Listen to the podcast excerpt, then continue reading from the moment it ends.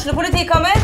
Ine Jansen er purk. Er du purk? The motherfucking bitch. Alt jeg vil, er å finne ut hva som skjedde med mannen min. Jon Carew. Er jeg sikta for noe? Iben Akeli. Det er du. Ole So, Lars Berrum og Big Daddy Karsten. Hvem sin side er du på, egentlig? Anette Hoff, Tone Danielsen, Kommer du fra Afrika? Jørnis Josef, Nesten. Kløfta. Trond Espen Seim, Det er synd å si det, men det var feil mann som døde. Purk. Premiere tirsdag på TV2 Play.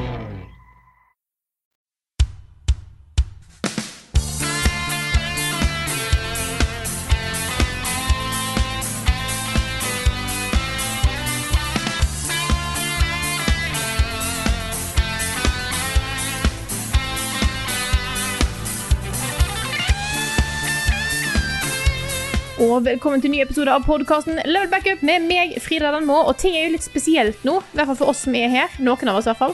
For vi lever nå i en post vi har vært på konsert med Nobu og Uematsu-verden. Det gjør vi. Ja, det stemmer det. Jeg var der. Ja, hvordan var det, folkens? Var det bra, eller? Det var kjempebra. Åh, det var helt knall. Det var nydelig. Ja, Det var, eh, akkurat uh, the right beeps and the boobs. Ja. Det var eh, ja, Det var sånn Jeg har jo vært på noen spillkonserter før, men da har det vært orkester. Sånn eh, score og play og sånn. Men nå var det litt mer sånn intimt. Det var et lite band som heter Kon-Tiki, som er bandet til, uh, til Uematsu. Eh, Utrolig pussig sammentreff. Det heter jo den båten til han eh, Herdal også. Ja, det gjør det. Ja. Kanskje det er er kjemperart. eh, Det er kjemperart, altså. Ja. De bare kommer på samme navn. Ja. Mm, det er merkelig. Men, eh, men nei, det var, eh, det var jo delt opp på en måte i tre. Eh, første delen så var det litt mer sånn han satt på keyboard uh, og spilte uh, musikk som hørtes på en måte ut som han skulle prøve å etterligne sånn det hørtes ut i spillet. Fra de gamle spilla. Og da var jeg litt nervøs. Det er litt sånn Jeg håper ikke dette er hele konserten, fordi jeg har hørt dette her orkestrert, og det er så mye mer mektig og fint, liksom. Men så kom del to, som var en sånn derre novellehistoriedel, Ja. Hvor mm. han spilte musikk, mens de, de da fikk en kjent voice actor opp på scenen til å framføre små historier, Som hun hadde skrevet. som hun hadde skrevet, Mm. med, med litt sånn tegninger og greier. Det var veldig kult. Og så det siste, da. Det var jo full on balladeaften med hele bandet. Hvor de spilte alle de Final Fantasy-sangene, og det var, eh, det var kjempebra. Kult. Det var, eh, Ja. De spilte Melodies of Life, så jeg er fornøyd. Det, I er, det var en one bra manly konsert. tear. Ja, det var en bra konsert. Vi traff jo veldig mye kjentfolk mens vi var der. Det gjorde vi. Eh, og jeg, da jeg la merke til, var liksom at i dagene etterpå så oppdaga jeg alle de andre jeg kjenner som har vært på den konserten. Ja, ja, for det var veldig mange kjentfolk vi ikke traff. ja, Mm. Men det var jo flere hundre som var der, sant? så det, var litt sånn, eh, det er litt tilfeldig hvem en ender opp med å treffe på òg. Mm. Vi møtte jo, møtte jo Carl Thomas, mannen som jeg tok jobben til. Ja. Hva var han der òg? Han var òg. Wow. Så det var uh, Sinfor var der, og det var massevis av, massevis av kjentfolk. Så da er vi Så da, da var eh, Så vi har det bra. Har du det bra, Rune? ja, jeg må trekke litt på det. Det er veldig mye å gjøre om dagen. Men øhm, siden du først øh, spør, så øh, jeg, vi må plugge noe i starten her. Skal Ja. vi gjøre det nå, eller skal vi vente litt? Kjør. Plugge Kjør nå? Ja, fordi um, etter å altså, Det har bodd folk utenfor dørene våre i telt. eh, Det har vært eh, demonstrasjoner utenfor eh, Stortinget. Um, store protesttog og em, en sånn seerstorm med henvendelser. Kan ikke vi komme til Bergen? Oh, ja. Det skal vi. Vi skal til Bergen den uh, 6. 6. september. Ja, det er en onsdag, tror jeg. Onsdag 6. september skal vi ha live podkast på Spillhuset i Bergen. Jeg tror det blir klokka 18.00.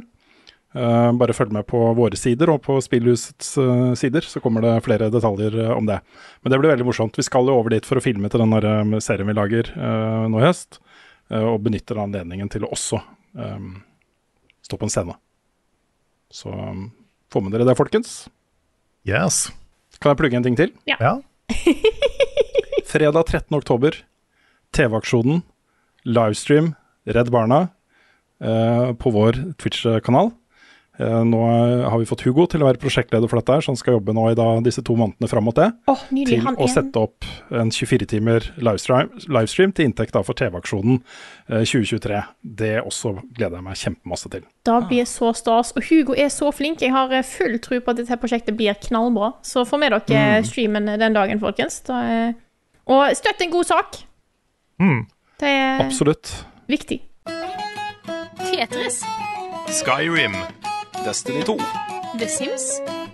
Edderkoppkabal. Destiny 2. Animal Crossing. Pokémon Cola eller Pokémon Pepsi. Destiny 2. Guitar Hero. Kingdom Hearts Bohemian Boogaloo. Destiny 2. Level Ups spilleliste. Ingen er vel sjokkert over at jeg nå gir ordet til Nick først. For Nick, du har jo spilt det nye spillet til selveste From Software, altså Armored Core 6. Og ikke Elden Ring 2. Nei. Nei. Eller jeg, jeg, kan ikke, si Det, det, får du ikke, lov, litt det, det får du ikke lov å snakke om ennå. Nei. Tenk, deg hvis det blir sånn en dag, da. Ja.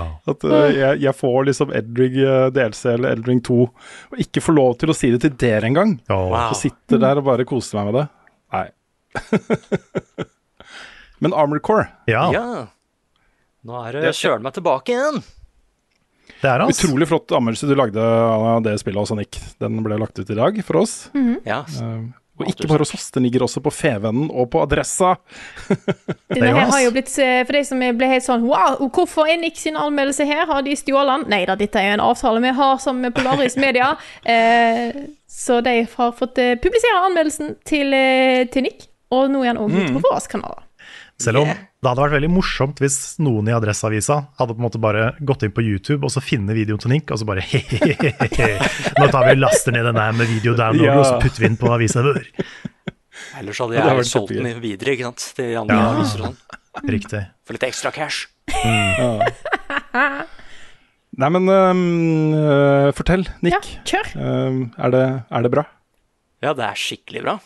Kult. Det er eh, akkurat så sånn Folk trodde at det liksom skulle være litt sånn Ja, nå har de lagd disse Soul-spillene og Elden Ring og sånn, så hvis de går tilbake til Armor Core da er jo det et svært open world-spill, det òg, ikke sant? Bare satt i fremtida. Men nei, nei, nei, nei, nei. Det er sånn serien aldri har vært. Det skal være basert på oppdrag og sånn, da. Veldig sånn arkadespill. Og det var akkurat det det var her, da. Det var sånn Den første timen så føltes det med en gang ut som Armored Core.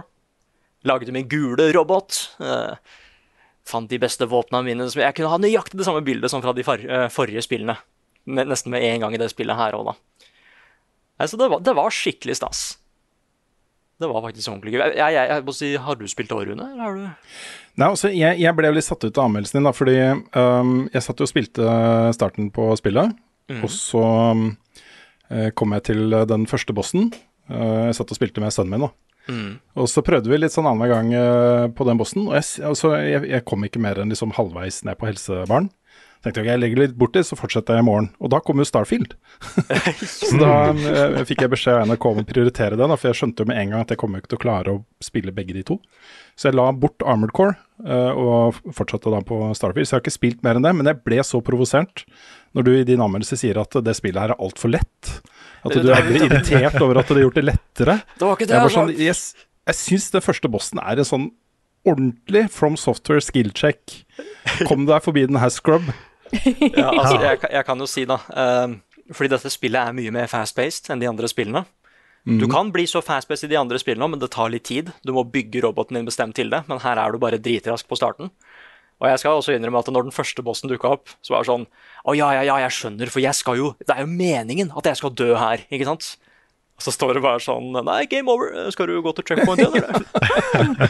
det, det, det var ganske intenst, ass. Fordi Ja, de for jeg også trodde det. Jeg, håp, jeg håpa det, at det var at meningen at vi skulle dø der. Ja, for de første fiendene du møter på står på en måte bare stille. De blir litt sånn sjokkert. bare, 'Oi, faen, det er en robot her, da.' Jeg vil prøve å skyte, men de har ikke roboter selv. De er bare sånne biler og sånn. Så når det da faktisk kommer en skikkelig boss som pulveriserte meg på starten, Ja. som tok meg ut med en gang og bare Oh shit, jeg kan bli stønna òg', ja. Det, det var det de forrige spillene òg, men ikke så intenst som denne her. Det har ikke vært noen sånne type bosser før i Armor Core. De har som regel bare vært sånne svære De har nesten bare vært levels i seg selv, da. Ikke bosser som flyr rundt, som du må dodge, og som har egne mønstre. og Der har de lånt veldig mye fra Souls-spillene. Mm. At Mm. du kan lære mønstrene, og du må bare Ja, god gammeldags get good. Du må bare lære deg kampen, og så kan du ta den. Men wow, det var tøft, ass. Det, men eh, det jeg mente med at det ble At sp å er for lett, eh, si. Jeg var litt redd da jeg sa det. Sånn, se, på meg. Ja, jeg trenger en, trenger en utfordring. Og jeg mener at det er eh, De forrige spillene var litt sånn annerledes med at hvis du f.eks. ikke klarte et oppdrag, så fikk du minuspenger. Og da fikk du gjeld. Og etter hvert så fikk du så mye gjeld at Vet du hva? Dette er litt sånn eh, Hva hvis du bare starter på New Game Plus med én gang, OK? Jeg ser du sliter litt. Det var faktisk så ille, da. Du ble kasta ned til easy mode hvis du tapte for mye. uh, så det var, brut det var skikkelig brutalt. Hadde det easy mode? Dette her var ikke noe easy mode, Nick. Nei, det var ikke noe easy mode, ass. Um, og det var litt sånn uh, Jeg syns det var vanskelig, men jeg savna litt den der at uh, uansett hvor lite oppdraget var, så måtte jeg være 100% på hele tida. da 100% fokusere, for hvis jeg tapte, så fikk jeg gjeld. Og jeg savna det, litt- jeg det litt på starten. Og så begynte jeg å savne det da mer og mer, med at bossene er så crazy som de er. Og det er intenst, det òg. Og de måtte ha justert det, for disse er dritvanskelige. Men hvis de bare kunne hatt noe form for at hvis du ikke fikk det til, så ble du litt, litt straffa for det, så tror jeg det kunne gjort hele greia mer intens. da. For det er sånne oppdrag som bare Gå ut, gå ut dit, spreng den bilen, og så er du ferdig. Men så skjer det et eller annet i oppdragene som liksom du ikke er blitt briefa på. ikke sant? Kanskje det er en annen enemy mech i nærheten som de bare plutselig nå oppdaga. Så det er mange oppdrag som kan gå sånn skeis. Og da er det sånn, ja ja, nå er du i det. Nå må du, nå må du gjøre jobben mens du er der. Eller gjøre det du kan for å overleve, da. Og du fikk sånne, panikk, sånne øyeblikk med skikkelig panikk, fordi faen, hvis jeg taper nå, så får jeg gjeld. Og blir kasta inn i New Game pluss easy mode, og det har jeg ikke lyst til. Um, nei, så Det er liksom den største ulempen. Og at historien er veldig sånn Det er den greia med at du skal ikke egentlig vite så mye om hva du gjør. Du får bare Her er en briefing. Gå og gjør jobben. Du får betalt. Du trenger ikke å tenke på liksom om du er snill eller ikke. Du bare har en jobb du må gjøre. Og det er litt kult. Men jeg kunne ønske at det var no, det er noen historiebeats der som hadde vært eh, Som jeg føler de kunne gjort litt andre ting på. da. At det skulle gitt litt ekstra punch. Men uh, det viktigste var at det var bare mer Armored Core. Og nå er serien ordentlig tilbake igjen. Den, å, de kommer til å selge så bra, ass. Det er sånn eh, De kommer til å selge så mye mer enn det de andre spillene har gjort. Jeg husker det som står at det bare, Vi solgte 200 000 eksemplarer av Armor Core 5, eller sånn, og det var, det var dritbra for dem da, ikke sant? Ja, ja, ja, det er ikke så mye nå, nei. Nei. Så kommer disse til spilleren og bare flere millioner som allerede er forhåndsbestilte. Så bare fremtiden til den serien er så interessant nå. ass. Ja. Men jeg, jeg merker det sjøl. Jeg har jo aldri spilt Armor Core. Men det her skal jeg, med en gang vi er ferdig i podkasten nå, så skal jeg kjøpe det og laste det ned, så det er klart til midnatt. Ja. Ja. Så er det go time. Oh. Nice. Det verste er at jeg er, faktisk, jeg er fortsatt ikke helt 100, 100 sikker på om dette er et spill for meg eller ikke. Altså. Jeg, selv etter å ha sett anmeldelsen din, Nick, og jeg ser det andre også som er veldig positive til spillet. Um, det er eh, jeg, jeg, ser jo selvsagt kvalitetene eh, du snakker om, og, og skjønner at eh, folk liker det, men er det noe for meg? Jeg er veldig usikker fortsatt, altså. Jeg er ikke helt sikker på om, om, det, om det er noe for meg. Nei, det Så blir det jo store spørsmål om jeg kommer til å rekke å spille, da. For nå er det jo liksom Starfield, og det jeg har, no, jeg har ca. 500 timer igjen der før jeg kommer til slutten. Eh, og så er det Baldur's Gate 3 som jeg har lyst til å spille, og så er det jo alle de andre nye spillene som kommer seinere i høst, da, som også må spilles og anmeldes. og- Mm. Så vi får se. Nei, det er, det som er så vanskelig å si, fordi det, det tok mange år før jeg visste at dæven, jeg har faktisk spilt FromSoft før eh, Dark Souls og sånn. Jeg visste ikke at det var de som hadde lagd Armor Core. Du spilte FromSoft-spill før det var kult. Du gjorde det? Ja, ja, sånn, ja, egentlig ja. Det var nesten ingen som visste hvem de var da. Eh, nei, så det, det tok litt sånn Jeg tror det var Dark Souls 3 hvor jeg innså at vent litt, men Armor Å ja! Har du sett? De har lagd det òg, ja.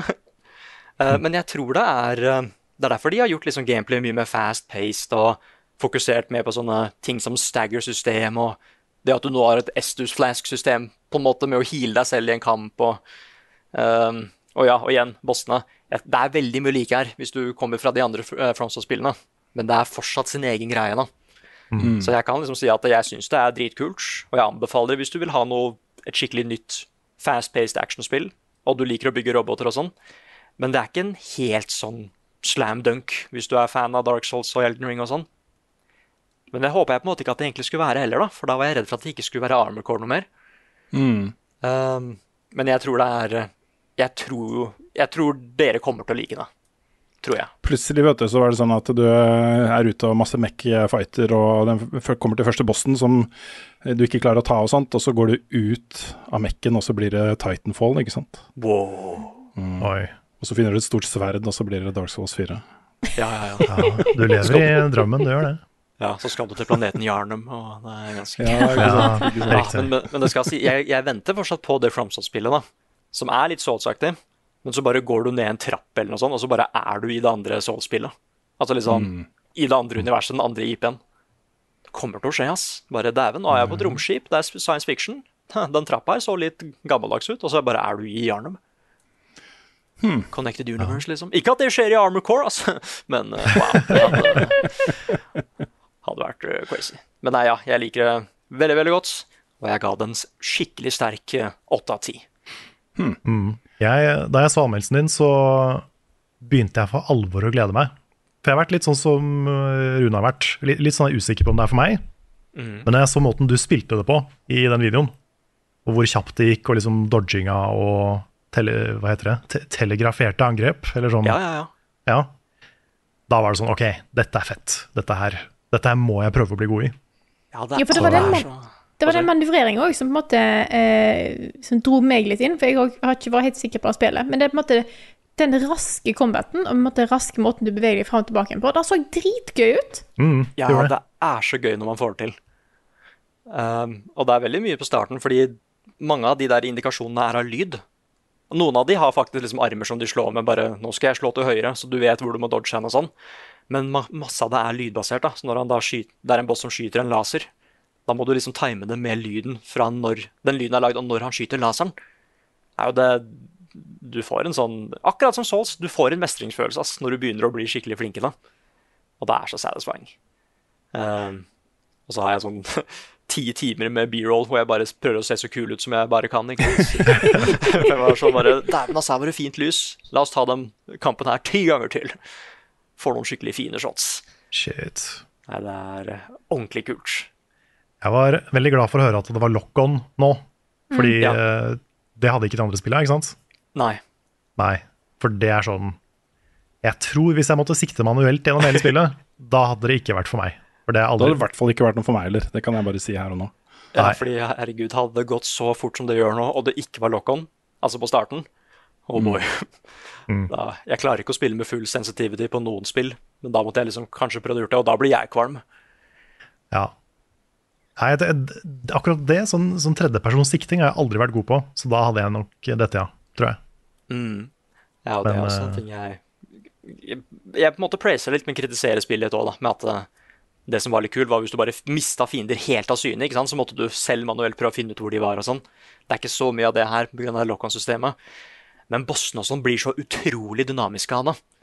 Det ser bare så Det er, det er god camera work, rett og slett. Det bare ser dritkult ut.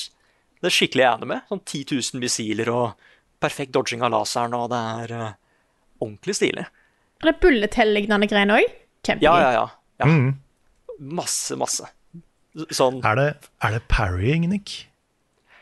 Altså, det er um, Ja, nja ish. Nja. Det, det, er egentlig, det er ikke egentlig et pairing-system, men du kan på en måte Du kan straffe de som slår med sverd, fordi du kan ha sånne skjold og sånn.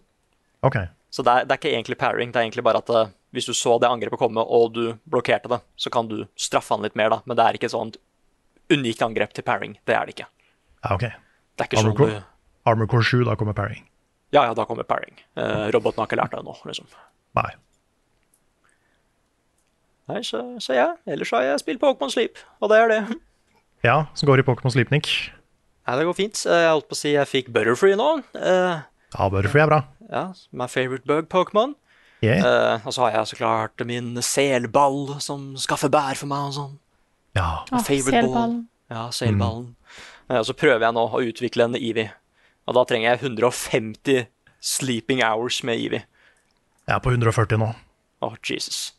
Kommer seg. Du må ligge med Ivy i 150 timer. Ja, det må Ja. det. Liker ikke åssen du sa det, men det er helt riktig, faktisk. ja. At må ligge med den i 150 timer, og så må jeg gjøre det igjen for å få Umbreon. For jeg var Espion og Umbreon, ikke sant?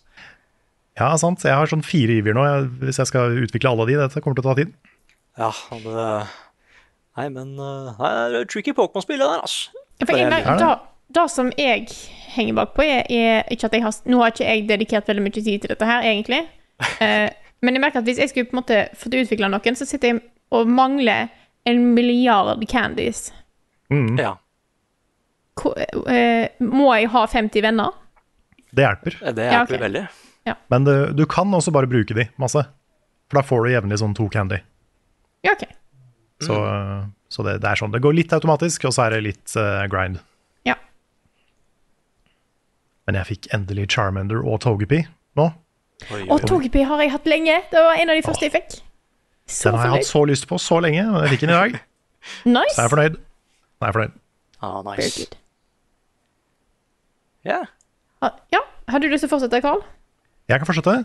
Jeg snakka litt i forrige uke om at jeg har gjenoppdaga Pokémon Trading Card Game på, på Gameboy på Switch. Ja. Ja. Og så runda jeg det, og så var jeg litt sånn sulten på mer. Og så fant jeg ut at det fins mer, men bare på japansk. Fordi det kom, det kom en Trading Card Game 2 på Gameboy Color, Oi. men, men ikke resten av verden. Shit, så da lærte du japansk? Yes, jeg lærte meg Nei, jeg gjorde ikke det. Ah. Jeg, det det fins en snill person som har laga en fan translation, og den fant jeg. Så nå spiller jeg et helt nytt, helt gammelt Pokémon trading card game-spill, og det er kjempegøy. Retro. Retro. Og jeg ble, jeg ble såpass eh, gira av det at jeg har funnet fram og børsta litt støv av de gamle Pokémon-korta mine. De ekte Pokémon-korta mine. Ja. Og de, de ligger faktisk bak her. Jeg ser der ligger det en svart perm. Ja, her er det en, en perm. Og det er, her, er det bare sånne løse Pokémon-kort. da. Ja, i sånne, sånn i sånn derre folder. Ja, og blant annet så har jeg en Holo First Edition Pidgeot, Oi. som kanskje faktisk er verdt litt penger, det vet jeg ikke. Det, det er ikke sikkert det er verdt så mye. Men, eh, men, men det er i hvert fall en av de mest sjeldne jeg har. Jeg ser det er to permer der. Er det to permer med, med Pokémon-kort? Det er to permer med Pokémon-kort, og i tillegg så har jeg fire komplette deks i hylla. Oi. Som jeg vurderer å bare finne en person som kan reglene. De gamle reglene fra da. Ja, for har det endret seg?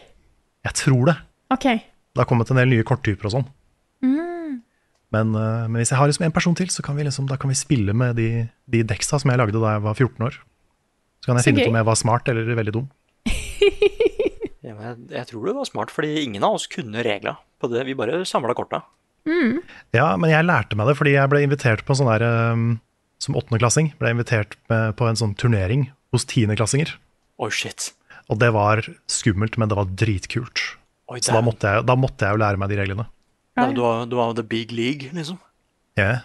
Så Wow. hvis, det er noen, hvis det er noen som er to år eldre enn meg der ute, som husker en uh, nervøs, rar liten kid som leide et, uh, et uh, Blastoise-dekk, da var det meg.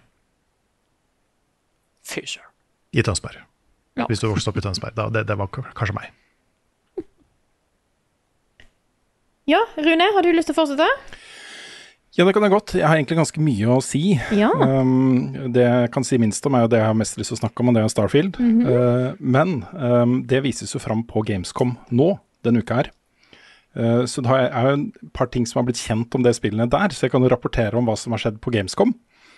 Uh, en av de tingene er jo at de får lov til å spille gjennom det første oppdraget der, tror jeg, på gulvet. Eller det er en sånn theater-ting, tror jeg. Eh, enten så får de det presentert, eller så spiller de det selv. Men det er i hvert fall første oppdraget er kjent, og viser fram der. Og det som det rapporteres om da, fra Gamescom, eh, fra de som har spilt det på Gamescom eh, også Dette spillet blir jo kalt Skyrim in space. Det er liksom det, På folkemunne, ikke sant, så er det det det heter. Ja. Eh, men det blir sagt da fra Gamescom i Tyskland at dette er mer fallout in space. Jeg tror ja. det er litt greit for folk å ha det i bakhodet. At, øh, at øh, i hvert fall de som har spilt det i Tyskland, da, de sier at det, at det er nærmere øh, øh, riktig beskrivelse av spillet. Ja. Ja. Greit, vi kan få folk som rapporterer fra Tyskland på dette. Ikke sant? Ikke sant? Folk som har spilt eh, og kan snakke om det Nettopp. For i Tyskland. Eh, i ja, i Tyskland. Og så har også Todd Howard vært ute og sagt en ting som jeg føler har litt gans ganske store implikasjoner på spilleopplevelsen til uh, de som er i Tyskland. Ja. og, og, og meg, da, og andre som skal spille seinere. men han har sagt i intervju at Starfield har New Game Plus. Og Det høres ut som en liten ting, men det er en ganske stor ting å forholde seg til når du skal liksom se på eh, den opplevelsen du har foran deg. ikke sant? Um, hvordan du planlegger ting og hvordan du legger opp løpet. Uh, for meg f.eks. så ble det kanskje da mer aktuelt å fokusere på storyen um, første gang. Når jeg vet at det ligger et New Game Plus der og venter på meg. Så, mm. så det kan også være greit å ha i bakhodet, kanskje. Men da kan du forvente nytt content på alle de tusen planetene i New Game Plus, ikke sant? Mm. Det er så mye jeg har lyst til å si om det spillet at uh, jeg tror jeg bare må gå videre. Ja. Eh, det har også kommet en ny sesong i Destiny 2 som jeg ikke har spilt, men det var en showcase rett før eh, Opening Night Live på Gamescom, hvor de viste fram eh, The Final Shape. Um, og det, jeg ble vel ganske sikker på at jeg kommer nok ikke til å spille det så mye før det kommer. Det så kjempebra ut. Um, det, det, er en konklusjon på den der sagaen om uh, The Traveler og The Darkness og alle de greiene der. Du skal inn i The Traveler, Oi. hvor uh, du får en slags sånn derre uh, remix av alt du opplevde i Destiny til nå. Miljøer du kjenner igjen, men det, ting er litt annerledes. Og nærmere du, kjernen du kommer, jo mer gærent blir ting, da. Men det jeg syns var spennende med den presentasjonen, var at de, de sa at de ikke de kommer til å snakke så mye om den campaignen før lansering. De kommer ikke til å gjøre den tilgjengelig for folk, altså influencers og og sånne ting eh, i forkant. Eh, Det er meningen at alle skal liksom gå inn i det spillet på lik linje og spille seg gjennom den historien. Eh, Konkludert da med et raid, og så blir ting litt annerledes. Men um, Crota Raid det kommer jo da neste fredag, så det, det skal jeg spille igjen.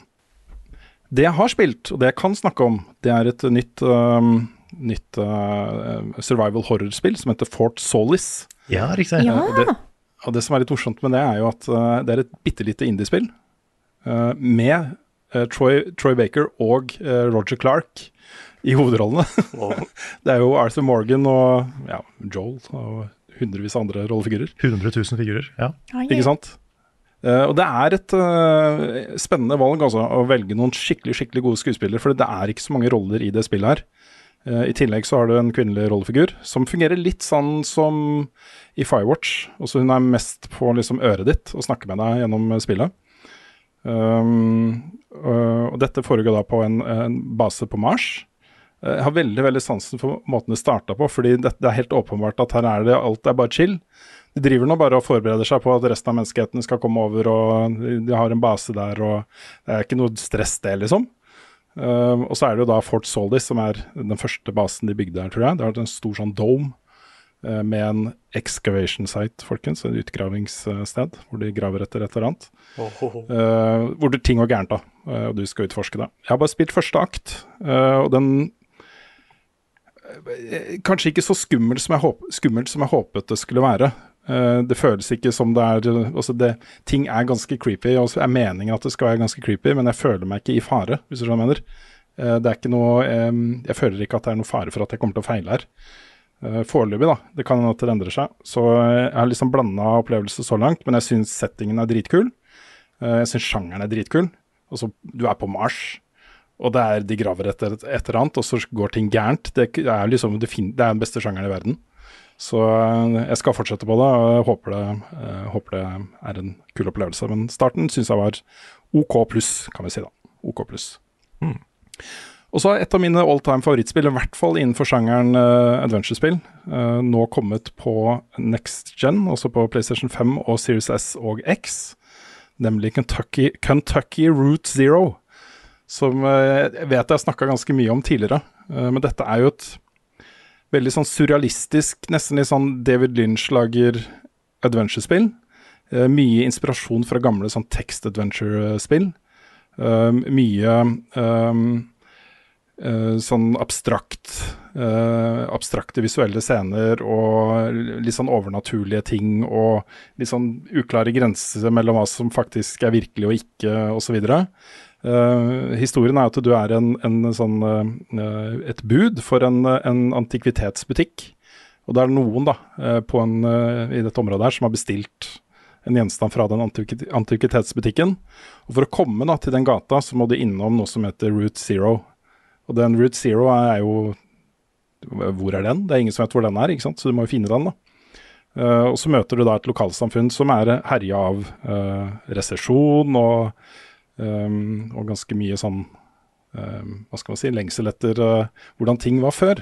Altså, det, er veldig sånn et samfunn i oppbrudd Så det blir både en litt sånn abstrakt eh, reise og en litt sånn derre fingeren på pulsen, amerikanske samfunnet. Litt sånn Norco-sjiktet, liksom.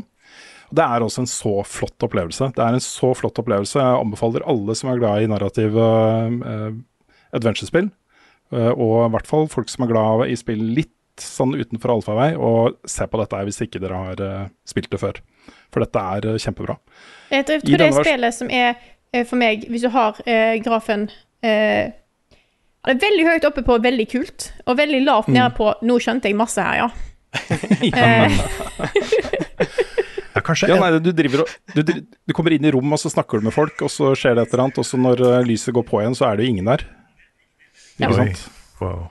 Um, du har en sånn sekvens hvor du kjører en sånn Du blir skada inn i noen gruver. Så kjører du på en sånn tram uh, inn, gjennom gruva. da Og så har du lys, men hvis du skrur av lyset, så får du sånn her flikkerlys. Og hver gang det flikkerlyset kommer på, så er det sånne silhuetter av mennesker som står og ser på deg ikke sant? mens du kjører forbi. Men hvis du har lyset på, så ser du ingen. Så det er, eh, det er skummelt på en sånn måte som, eh, som jeg setter veldig pris på, altså. Eh, også disse her eh, Det er mye sånne uh, optional steder du kan besøke i den byen her, hvor, uh, hvor det ikke er Hvor det bare er tekst. Hvor det er sånn herre du, du Det er en glassdør foran deg og en gang inn til venstre. Så må du velge, da. glassdøra eller gangen. Så står det bare hva du ser, ikke sant. Du må knuse glassruta, ikke sant. Og du kommer i stort mørkt rom, mørkt rom som virker som varer evig. Eh, hva, hva gjør du, ikke sant? Ta på veggen eller ta på eh, gulvet. Og så får du beskjed om, ikke sant. Det er masse sånne greier da, som lager sånne kule bilder i hodet, i tillegg til at eh, det visuelle er veldig kult i utgangspunktet. Så dette er et, eh, en, en sann klassiker. Og så um, Jeg snakka jo i forrige uke om et spill som heter Turbo Overkill, som er inspirert av sånn eh, boomer shooters fra midten av 90-tallet. uh, uten å nevne at det også har kommet en oppdatering til eh, Quake 2, som uh, gjør det eh, tilgjengelig og spillbart på moderne uh, PC-er eh, på en helt ny måte. Så det beklager jeg at jeg ikke nevnte det da. Jeg, jeg hadde fått det med meg, hadde notert det, jeg bare glemte å nevne det. Men nå har jeg også testa det. Og det er en Jeg vil nesten kalle det en åpenbaring å sitte og spille nå Quake 2 så lenge etter. Og det flyter og spilles altså så bra på PC-en min, i ultrawide og alt, liksom. Eh, Men det er på en måte det samme spillet. Og um, jeg hadde på en måte glemt litt hvor gøy det var å spille det i, i eh, campaign-modus. For det er eh, masse hemmeligheter og kule våpen og veldig kul sånn level design og uh, kule fiender og alt dette her. Kjempegøy å spille, altså. Hvis du eier Quake 2 på eh, Steam, så er det bare en gratis patch. Så det er ikke noe, du trenger ikke å kjøpe noe nytt. Så jeg var litt usikker på om jeg faktisk hadde den nye versjonen eller ikke. Men det følger jo med også da alle DLC-er og alt mulig rart, liksom. Så det er blitt en kjempekul, stor sånn retropakke. Gavepakke til alle som er glad i boomer shooters. Har dere prøvd vann fra springen? Jeg har sett en ny TV-serie nå, vet du. Dette albumet må dere høre. TV-spill er ganske stas. Det er en serie som foregår in space. YouTube.com er en kul nettside.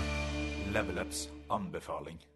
Hold dere fast i gamingstolene, folkens, for nå er det altså sjokkerende nok Rune Fjell Olsen som er på plass med en TV-serieanbefaling. Ja, dere kan holde dere fast i gamingstolene, og så kan dere f slippe taket, og så flytte dere over i sofaen eller i lenestolen og skru på TV-en og finne fram NRK-appen og sette på den nye uh, TV-serien til Kevin Vågenes, uh, som heter da 'Hva skjedde med Solveig'. Og Kevin Vågenes er jo han parterapi-fyren. Han er utrolig god på roller, rollefigurer, mm -hmm. uh, som er veldig forskjellige fra hverandre. Kjempegod på dialekter og sånne ting. Og dette her er jo en parodi på sånne true crime-serier. Eh, og det er altså en så god parodi, og jeg, satt, jeg lo ordentlig høyt. Og det er særlig jeg, Det er en sånn sekvens jeg bare har lyst til å nevne for å bare sette bildet litt. Rann. Eh, dette foregår da i en liten bygd hvor eh, Solveig blir, som er en sånn influenser, som har en bloggen sin og, og snakker til, på Instagram og sånne ting, som blir da drept på live, på, live, på direkten. Oi. Så folk sitter jo og ser at hun blir drept, ikke sant? Ah, Shit. Mhm. uh, og så er det da en politimann, en komplett udugelig politimann.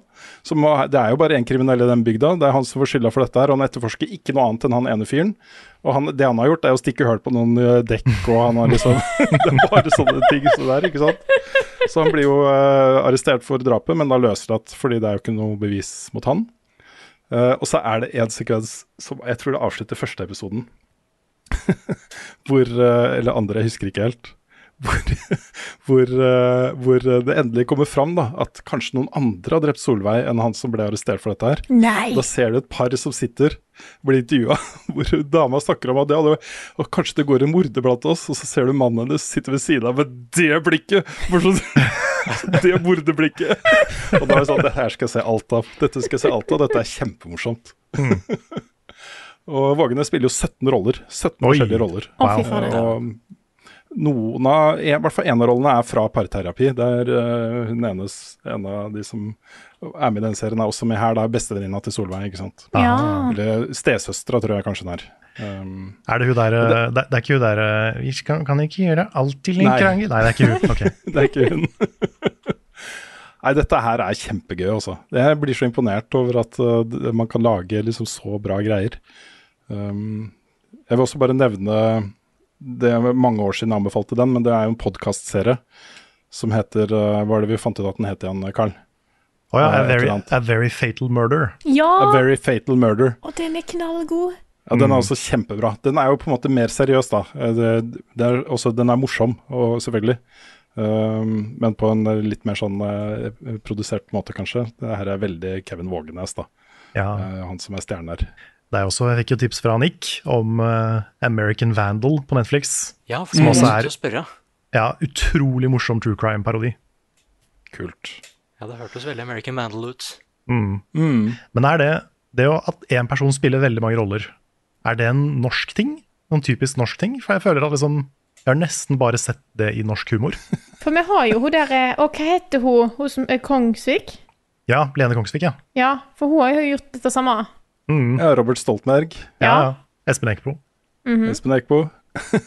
Så det er en Kanskje det, Tenk på det er bare Norge som gjør det. det er, eller, eller nei, det er, ikke, det er ikke bare For det, eh, Mike Myers også gjør det. Ja, det er sant. Han, han gjør det mye. Ja. Men jeg, jeg har ikke sett så mange andre enn Norge og Mike Myers. Nei, Nei. det, det er litt, knipp, lite knippe med folk. Mm. Q-kommentarfeltet er fullt av liksom Ja, ja. eh, sånn, dere, dere har glemt de og de og de og de. og de, og de. ja. Ja, det og det landet gjør bare det. Det er det eneste de Ja, lager. vi er ikke originale i det hele tatt. Kasakhstan har kun sånn, faktisk. Alt Ikke humor er banna. Ja. Ja, ja. Mm. Det var Finland som gjorde det først, faktisk. Ja. Jeg leste et intervju med Kevin Vågenes i Aftenposten i helgen, uh, hvor han snakker om at han skulle egentlig bli skuespiller i Hollywood. Og han reiste over dit og gikk på med greier og sånt, litt sånn Barry, tror jeg. Mm. Um, og hadde en audition til uh, Og fikk en rolle, tror jeg, en pilot. Uh, og det ble aldri noe av, og da tenkte jeg ok, nå gir jeg opp dette her, så drar jeg hjem. Og da fant han ut at her er det et stort hull for en proff komiker som er god på å lage forskjellige rollefigurer og sånne ting. så han uh, bare smatt inn og, og det tok, tok de greiene. Tok fakkelen etter Robert Stoltenberg i NRK, ikke sant. Mm. Så, Ja, ja. Men jeg, ble veldig imponert over Blodfjell også, for det, er, det også er mye han. Mm. Og hvor produsert det er, liksom, eller hvor, hvor gjennomført det er. ja. Hvor mye de nailer den der visuelle greia på, på krim. da. Favorittrollefiguren han spiller i denne serien, da, det er, her kommer det jo selvfølgelig er et journalistteam. Det er to journalister og en produsent som skal fi løse drapet, ikke sant. Um, og der er det en veldig flink kvinne som har full oversikt og finner de skjulte greiene og, og uoverensstemmelser i avhør og alt mulig rart. Og så har du han andre journalisten som ikke bidrar med noen ting, men later som om det er han som gjør alt. Og det er så utrolig kul dynamikk mellom de to, altså. Det høres jo veldig Blodfjell ut. ja, ikke sant. Samme greia der. Ja. Det er, det er det Jeg anbefales i hvert fall. Dette er gøy, altså. Skikkelig gøy. Kan jeg komme med en liten eh, enkel anbefaling på slutten her? Mm. Vi skal innom Fridas mathjørne. Ditt, ditt, ditt, ditt. Uh. Nei, for at jeg har tenkt å komme med en anbefaling eh, som hvis, hvis det er, folk her ute som er litt glad i å lage mat og har sett litt sånn i, i, oppskrifter på internett og sånt, så dette er et kjent tips. Og dette er et tips jeg har hørt om mange ganger, mange plasser. Jeg har tenkt at nei, men eh, det, det går sikkert. Jeg klarer meg fint uten. For jeg men eh, jeg er nå på helt den sida. Alle trenger en riskoker. Holy shit.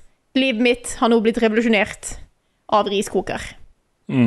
Og da er, for Jeg har hørt masse folk si at ja, men hvis det er én ting de aldri angrer på at de har kjøpt, så er det riskoker. For det koker ris blir så mye lettere, og du får alltid perfekt ris. Og jeg tenker at Det er ikke noe stress å lage ris. Det er jo veldig enkelt. Og jeg får jo bra ris, men nå vet jeg hva perfekt ris er. For det er så enkelt. Du bare tar risen, skyller den litt, og så har du risen og vann oppi riskokeren. Og så bare glemmer du at den fins. Og så bare blir det perfekt ris. Og når jeg mener perfekt ris, er det bare sånn It's just perfect. Så det er eh, mitt tips til folk. Hvis dere har plutselig litt grann plass på kjøkkenet altså, Det koster ikke mye mer riskoker heller. Det er, det, dette er det jeg har hørt i alle år. Jeg har fortsatt ikke tatt det til meg før nå. Riskoker, det er the shit. Jeg har sånn for egg. Ja. Sånn eggekoker som du har plass til seks egg. Den er faktisk ganske smart. Hmm. Tar jeg fram hver gang jeg skal ha egg. Det er veldig bra. Det som er kult okay, nå, det som er kult med riskoker Nå må jeg, nå må jeg bare nerde litt grann her. Ja, ja, ja. For jeg har lurt på liksom, hvordan funker en riskoker, og hvorfor er det dritbra. Og det som skjer, er at du har oppi vann og ris. Og hvordan vet han at han er ferdig?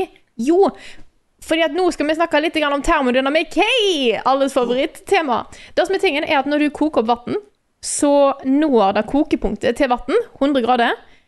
Og uansett hvor mye varme du putter på, så lenge det er vann der, så vil vannet aldri bli over 100 grader. Det er bare sånn det er. All energien som går inn i vannet på det tidspunktet, brukes for å få vannet til å fordampe.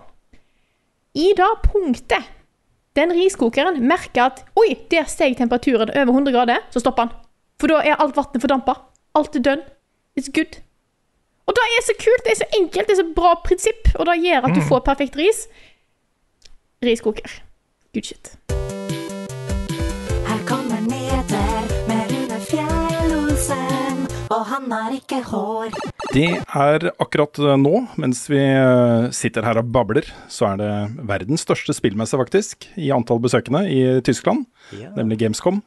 Og på tirsdag så var det jo det de kaller Opening Night Live, hvor Jeff Keeley sto på scenen for å vise fram masse ting som vi allerede visste om fra før. Det var en uh, forhåndsvarsla at det, det ikke kom noen store announcements uh, her. Uh, og så kom det jo et par allikevel, da, men ikke kanskje av det kaliberet som vi hadde lyst på. Det var ikke noe Bloodborne 2 eller noe sånne det. greier, liksom. det er det du kan ta. Det, vi kommer til å sitte her om ti år, du. Det var ikke noe Bloodborne 2. Det var ikke noe Bloodborne 2. Nei, tenk da. Ja, vi har jo hatt et sånt spill som ble noe av eh, til slutt. The Last Guardian. Ja, det er sant. Som, ikke sant? som vi satt hele tiden og venta på, men uh, det kom til slutt. Ja, Pikmin 4 òg var et sånt spill. Ja, for det er sant. Den er sant. Bayonetta 3 venta vi på i mange år. Ja, du, da har du helt rett i.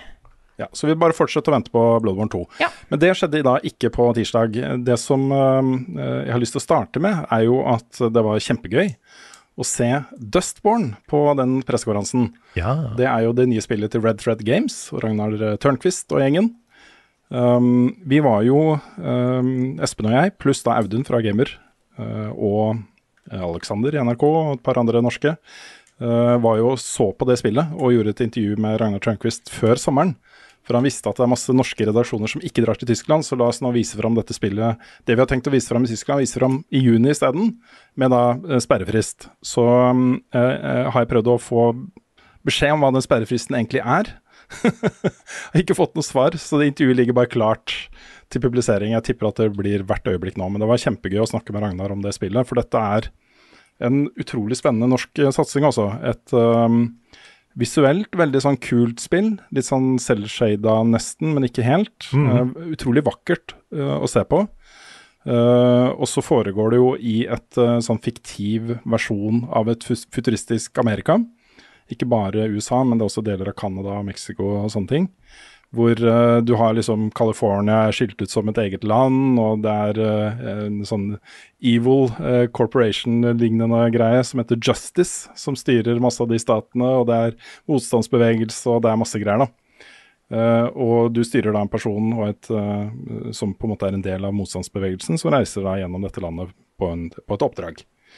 Um, det ser kjempebra ut, rett og slett. Uh, og det ble vist fram her. Og um, ble sagt at det skal komme tidlig i 2024.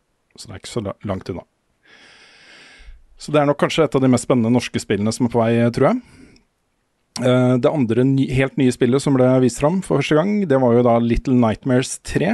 Uh, da ikke utviklet av de som lagde Little Nightmares 1 og 2, men av Supermassive. Ja, riktig. Kjent fra bl.a. Uh, Until Dawn og masse greier. Mm. De har vært borti skrekk, de. Ja, riktig folk. Aha. Riktig folk til å ta over den, altså. Mm. Det skulle også få coop, sa jeg. Mm. Så det er uh, Ja, vi, spennende. Vi snakka jo om det under uh, Vi dekka dette live på vår Twitch-kanal. Uh, og da ble du innstendig oppfordra om å bare spille gjennom, Karl. For jeg tror du kommer til å digge den slutten. Det er Ja. Slutten på uh, Little Nightmares 2 er bare så bra. Ja. Så bra. Jeg begynte jo på, på Little Nightmares 2. Jeg spilte to ganger på stream, tror jeg. Mm. Men eh, fortsatt eh, et stykke igjen til vi er gjennom. Ja. Så eh, kanskje vi plukker det opp på streamen en dag. Ikke dumt, ikke dumt. Jeg går litt sånn kjapt gjennom de andre tingene, og så er det et par ting som jeg ikke har nevnt. Noe av det har vi snakka veldig mye om før. Eh, Noe av det kommer det eh, Får dere lov til å arrestere meg på at jeg ikke har med? Jeg- Det står ikke noe Sonic på lista her, f.eks. Nei, det var ikke så mye Sonic-nyheter. Det ble, det ble hypa opp litt på forhånd, men det var, det var egentlig bare en eh, annonsering av en DLC til Forces, var det ikke det? Nei, til Nå gjorde jeg det. Frontiers. Ja. Frontiers, ja. Pluss det var et eller annet om, om den uh, Superstars også, var det ikke det? Eller hva den heter? ja Jo, det det var litt litt split screen. Ja, split screen. Ja. Da snakker vi om Sonic allikevel. Ja. Eh, Jeg nevner en ny trailer fra Black Myth Wukong. Som eh, ser ut som a million bucks. Det ser så kult ut. Det gjør det. Eh, ja, jeg tror det også er neste år. Eh, det ble vel avduka, tror jeg. jeg vet ikke, Det er vel kjent før at det skulle komme, men de første glimtene fra Killing Floor 3 Eh, vi fikk en helt ny trailer som var helt bonkers. Minner meg litt om de der uh, anime uh, store rollespilltrailerne som har alt. Men nemlig da Crimson Desert, Ja, som jo er på en måte alle, alle open world-spill. ja det, den traileren var sånn all style, no substance. Og det, Ja. og det funker på en måte, fordi du, du ser jo bare en lang remse av kule ting Mm. som ikke henger sammen. Så blir du sittende og lure på hva er det spillet her? Mm. Hva, hva i all verden er historien? Hva er settingen? Hva er noe som helst? Ja, Det vi tror det er, da, er et open world action adventure-spill. Ja, Med liksom elementer av både Assassin's Creed og eh, Elden Ring og Zelda og alt mulig rart, liksom. Skyrim. og vi tror det ikke er et MMO, mm. fordi det første var et MMO. Altså Black, okay. Black Desert Online var et MMO, Ja. men Crimson Desert tror jeg ikke er det, hvis jeg har skjønt riktig. Jeg tror du har rett, men eh, hvem vet. Mm. Vi fikk eh, se ganske mye fra Payday 3, som eh, er i ferd med å bli liksom et av de eh, sånn dark horses for høsten som kommer nå. Eh, dette er et veldig lovende prosjekt. Vi fikk også se sammenhengende gameplay fra første oppdraget i Call of Duty Modern Warfare 3. Det også syns jeg så veldig bra ut, altså. Så nå er det en åpen beta nå snart. Eller først lukka for alle som forhåndskjøper, og så en åpen her det heter. Eh, Nightingale ser bare bedre og bedre ut hver gang vi ser det. Dette er jo et, eh, et sånn eh, survival-spill, uh, men hvor på en måte greia er at du har sånne portaler inn til andre verdener, som har sine egne ressurser og sine egne fiender, og noen av de er vennligstilte, og noen av de er fiendtlige, og, og, og sånt. Og så er det en sånn blanding da av det og sånn viktoriansk eh, steampunk-stil. Utrolig visuelt stilig spill, ser det ut som. Mm. Det er et, uh, tror jeg er et barbarspill. Å ja. Det er jeg ganske sikker på at det er, altså. Det spillet jeg Det er ikke så langt unna å være, å være det jeg gleder meg mest til eh, i høst. Lords of the Fallen. Jeg fikk en ny trailer, en story-trailer denne gangen, så det var ikke så mye gameplay. Men uh, det var jo den traileren som fikk meg til å si at uh, Vet du hva, det spillet her, hvis, hvis det bare var å gå rundt og så se på disse miljøene, så hadde jeg på en måte vært fornøyd, da. For det ser altså så fett ut. De verdenene de har designa der, det ser så stilig ut, altså. Så hvis gameplay her er bra, så kan det bli eh, hvor bra som helst. Uh, det er noen år siden vi snakka om det, men, eh, men en av de tingene som vi bet oss merke uh, i etter suksessen med Destiny, var jo at nå kommer andre også til å lage Destiny. Altså, det åpna seg på en måte opp et marked for en ny type spill, og du har sett noen prøve å få det til. Um, kanskje først og fremst sånn type um, Hva skal vi si det er, da? Uh, ja, og noen feile, som Anthem, f.eks. Uh, men det har kommet en del spill som på en måte ligner veldig på det Destiny uh, gjorde, med co-op, med uh, type raid-lignende ting og bosser og våpen og grinding og alle disse tingene. Uh, og det er et nytt spill som kommer nå, som heter The First Descendant, som ga meg veldig vibber av, av det, da. Uh, at det er på en måte litt der det kanskje kom fra. Um, der er det en åpen beta fra 19. til 25. september, og den skal jeg teste, altså. Hvis dette er kult, så ja, kommer jeg til å spille litt, eh, tror jeg. Eh, Et annet spill som ser bedre og bedre ut hver gang vi ser det, og som kanskje får også en sånn tilleggsverdi, i, i og med at hele grunnspillet også skal nå redesignes, eh, nemlig da DLC-en Phantom Liberty til Cyberpunk 2077. Ja. Og Der lager de jo et helt nytt progresjonssystem, helt nytt skill-system. eh, De har lagt i masse nye våpen å bruke de på, masse nye modifications til characteren din. Nye kjøretøy. Det blir sagt fra folk som er på Gamescom at, eh, at eh, det å bruke kjøretøy i spillet nå er fullt på høyde med sånn GTA 5 og, og sånne ting. Eh, Du kan til og med skyte fra bilen. Du så en sånn sekvens hvor bilen hadde gønnere ut av alle vinduer. Og snurra rundt og rundt og bare skjøt alt rundt seg, ikke sant. oh, jeg gleder meg. Eh, ja, det, det her gleder jeg meg til, altså. I praksis så er jo eh, Phantom Liberty bare en ny bydel i byen som åpner seg opp for utforsking, og som har da et eget oppdrag. med nye rollefigurer, Idris Elba med, osv. Uh, men den blir jo på en måte integrert i hele opplevelsen hvis du starter spillet på nytt. Så det skal jeg gjøre, da. Jeg skal starte hele spillet på nytt og spille delscenen uh, eh, via det. Ja, det er min samme. plan. Uh, ja, så fikk vi en ny trailer fra Mortal Kombat 1. Trenger kanskje ikke si så mye om den. Um, den vi lo mest av, traileren vi lo mest av, var et spill som heter Thank Goodness You're Here. Ja. Det er fra et team som har lagd eh, sånn, den type spill før, men dette her var helt bananas. Jeg, du, jeg tror du er en sånn salgsmann som kommer inn i en by, du, du skal selge et eller annet, og alt var bare helt bananas. Jeg vet ikke om jeg klarer å beskrive det spillet engang. Nei, det var fra den gjengen som hadde laga Untitled Goose Game, var det ikke det? Ja, var det det? Det tror jeg. Ok. Jeg mener jeg leste det. Og det, det var en helt annen visuell stil, men det var fortsatt liksom den der rare, zany, uh, morsomme britiske humoren Mm. som uh, Nei, jeg, jeg er spent, spent på det spillet her. Me too. Og så er jeg fryktelig, fryktelig fryktelig spent da på Alan Wake 2. Og det vi fikk se på um, Det var siste uh, spill de viste fram på, på den showcaset. Det var jo at de kommer til å blande uh, live action uh, filmsekvenser med uh, datagenerert også graphics. Um, og måten de har løst det på, er jo at alt, alt som er sånn eh, live action, er jo veldig stilisert. Det er, det er mye green screen og effekter og den type ting. Eh, men helt åpenbart, da. eh, live action allikevel, med ekte skuespillere og sånt. Jeg har eh, veldig tro på det spillet, altså. Det er et uh, en kjempespennende prosjekt fra et studio med bøtter av selvtillit etter å ha vunnet masse, masse priser og greier for Control. Mm. Så um, Det også hadde jo en del sånn live action-klipp i seg. mm, Det var stilig, det. Mm. Og her er det jo, du spiller jo, hovedpersonen her er jo en forfatter. um, som uh, opplever at, uh, at uh, ting han har skrevet, uh, blir virkelige. Uh, og nå er det da et manuskript ikke sant? han har skrevet som han ikke husker han har skrevet, uh, som er borte.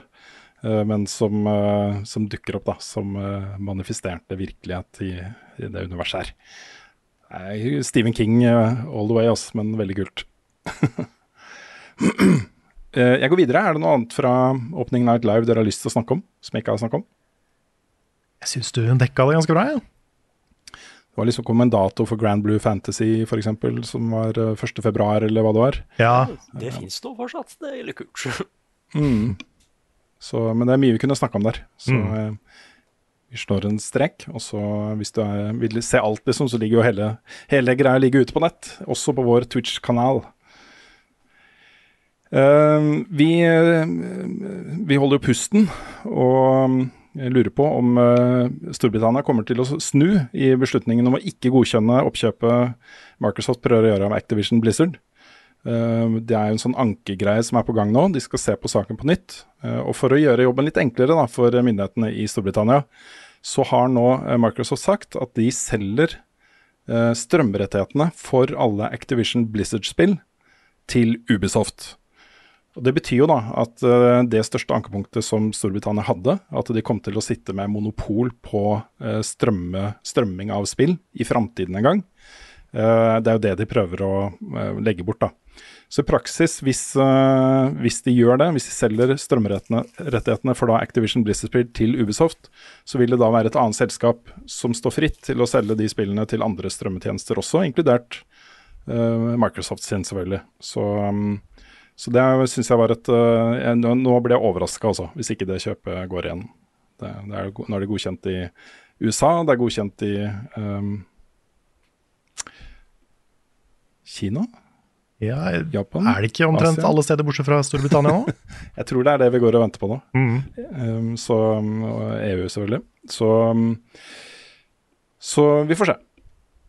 Vi har også fått vite det endelige navnet på uh, denne nye håndholdte spillmaskinen til uh, PlayStation, som heter nå da PlayStation Portal.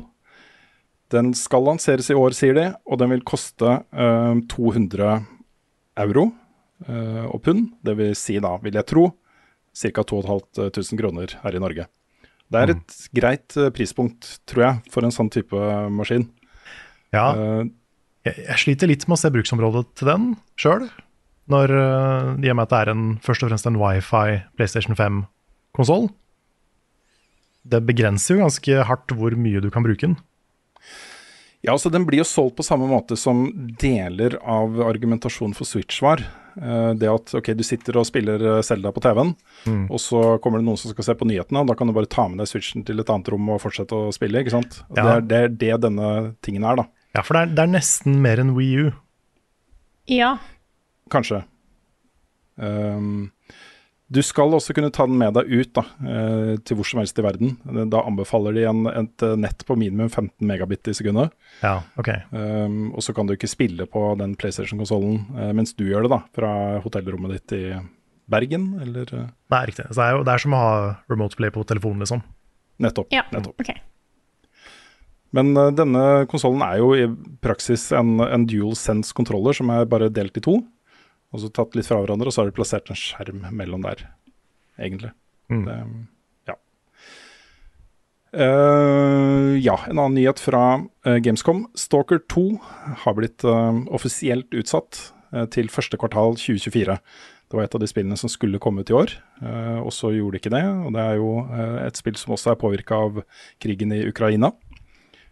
Så ikke så rart det blir utsatt, vil jeg tro. Eh, men folk driver og spiller der, der nede nå, og sier det ser veldig lovende ut. Det er mye fornøyde mennesker også som går ut av den gameplay-demonstrasjonen der. Et annet spill som er utsatt til 2024, er eh, et av de spillene jeg har gleda meg mest til i år, nemlig Replaced. En sånn cyberpunk pixel 2D-spill Ja. som eh, ser latterlig lekkert ut. Um, så ja, da blir det 2024 på den isteden. Og så er det jo eh, blitt kjent for et par dager siden at eh, Charles Martinet, som er stemmen til Mario og en del andre Nintendo-rollefigurer, nå ikke skal være stemmen til verken Mario eller andre Nintendo-rollefigurer lenger. End of an era. End of an era. Virkelig. Ja, det er så Mm. rart.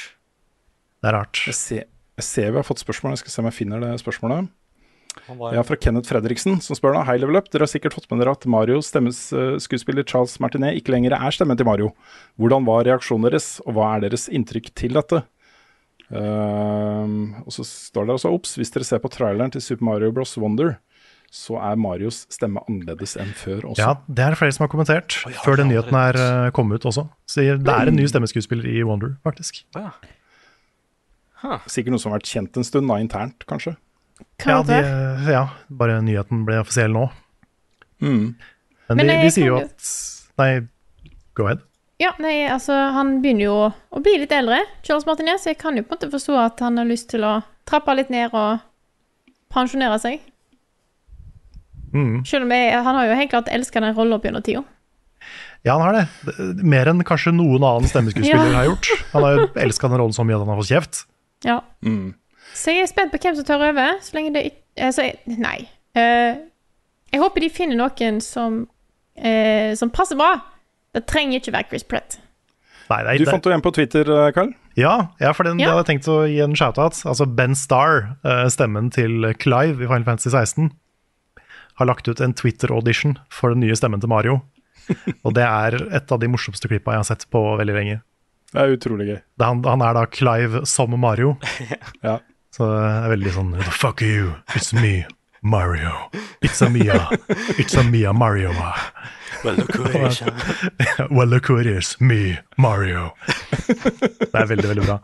Um, men eh, de har gått ut og sagt at eh, Charles Jeg vet ikke hva de mener med det, da, men at Charles skal gå fra å være stemmeskuespiller til å bli en Mario-ambassadør i oh, ja. Nintendo. Jeg vet ikke om det er, det er det liksom en pen måte å si at han skal slutte på, eller betyr det noe?